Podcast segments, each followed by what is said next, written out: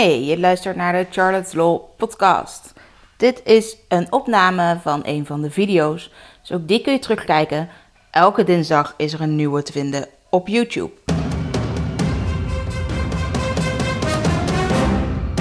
Charlotte, de privacyjurist van Nederland. Ik wil toch nog even wat kwijt over de AVG.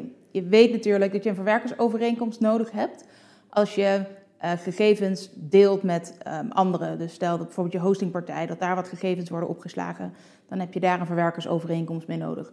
Net als je met je boekhouder bijvoorbeeld een verwerkersovereenkomst nodig hebt.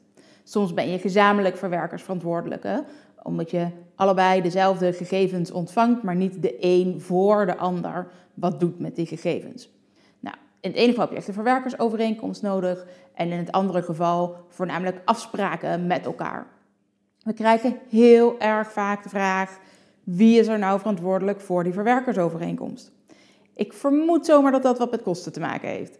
Het is iemand die dat natuurlijk moet downloaden, doen, tijd in moet steken, ergens moet kopen, een jurist moet laten opmaken, hoe je het ook regelt. Het zal op zijn minst tijd en moeite kosten uh, en waarschijnlijk ook gewoon geld. Nou, dat is een heel eenvoudig antwoord. Je bent er samen voor verantwoordelijk. Ja, um, hashtag kutjurist. Goed.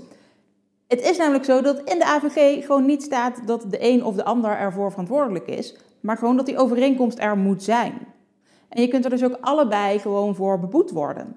Je hebt namelijk ook allebei gewoon rechten en verplichtingen die je af moet spreken in die verwerkersovereenkomst. Dus het is niet alsof de overeenkomst meer waarde heeft voor de een dan voor de ander bijvoorbeeld.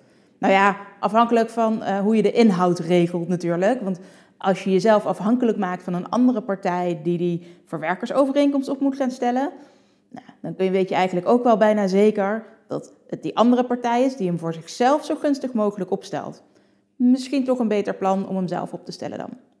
Goed, heb je vragen over de AVG, over verwerkersovereenkomsten, over andere privacy-gerelateerde vraagstukken?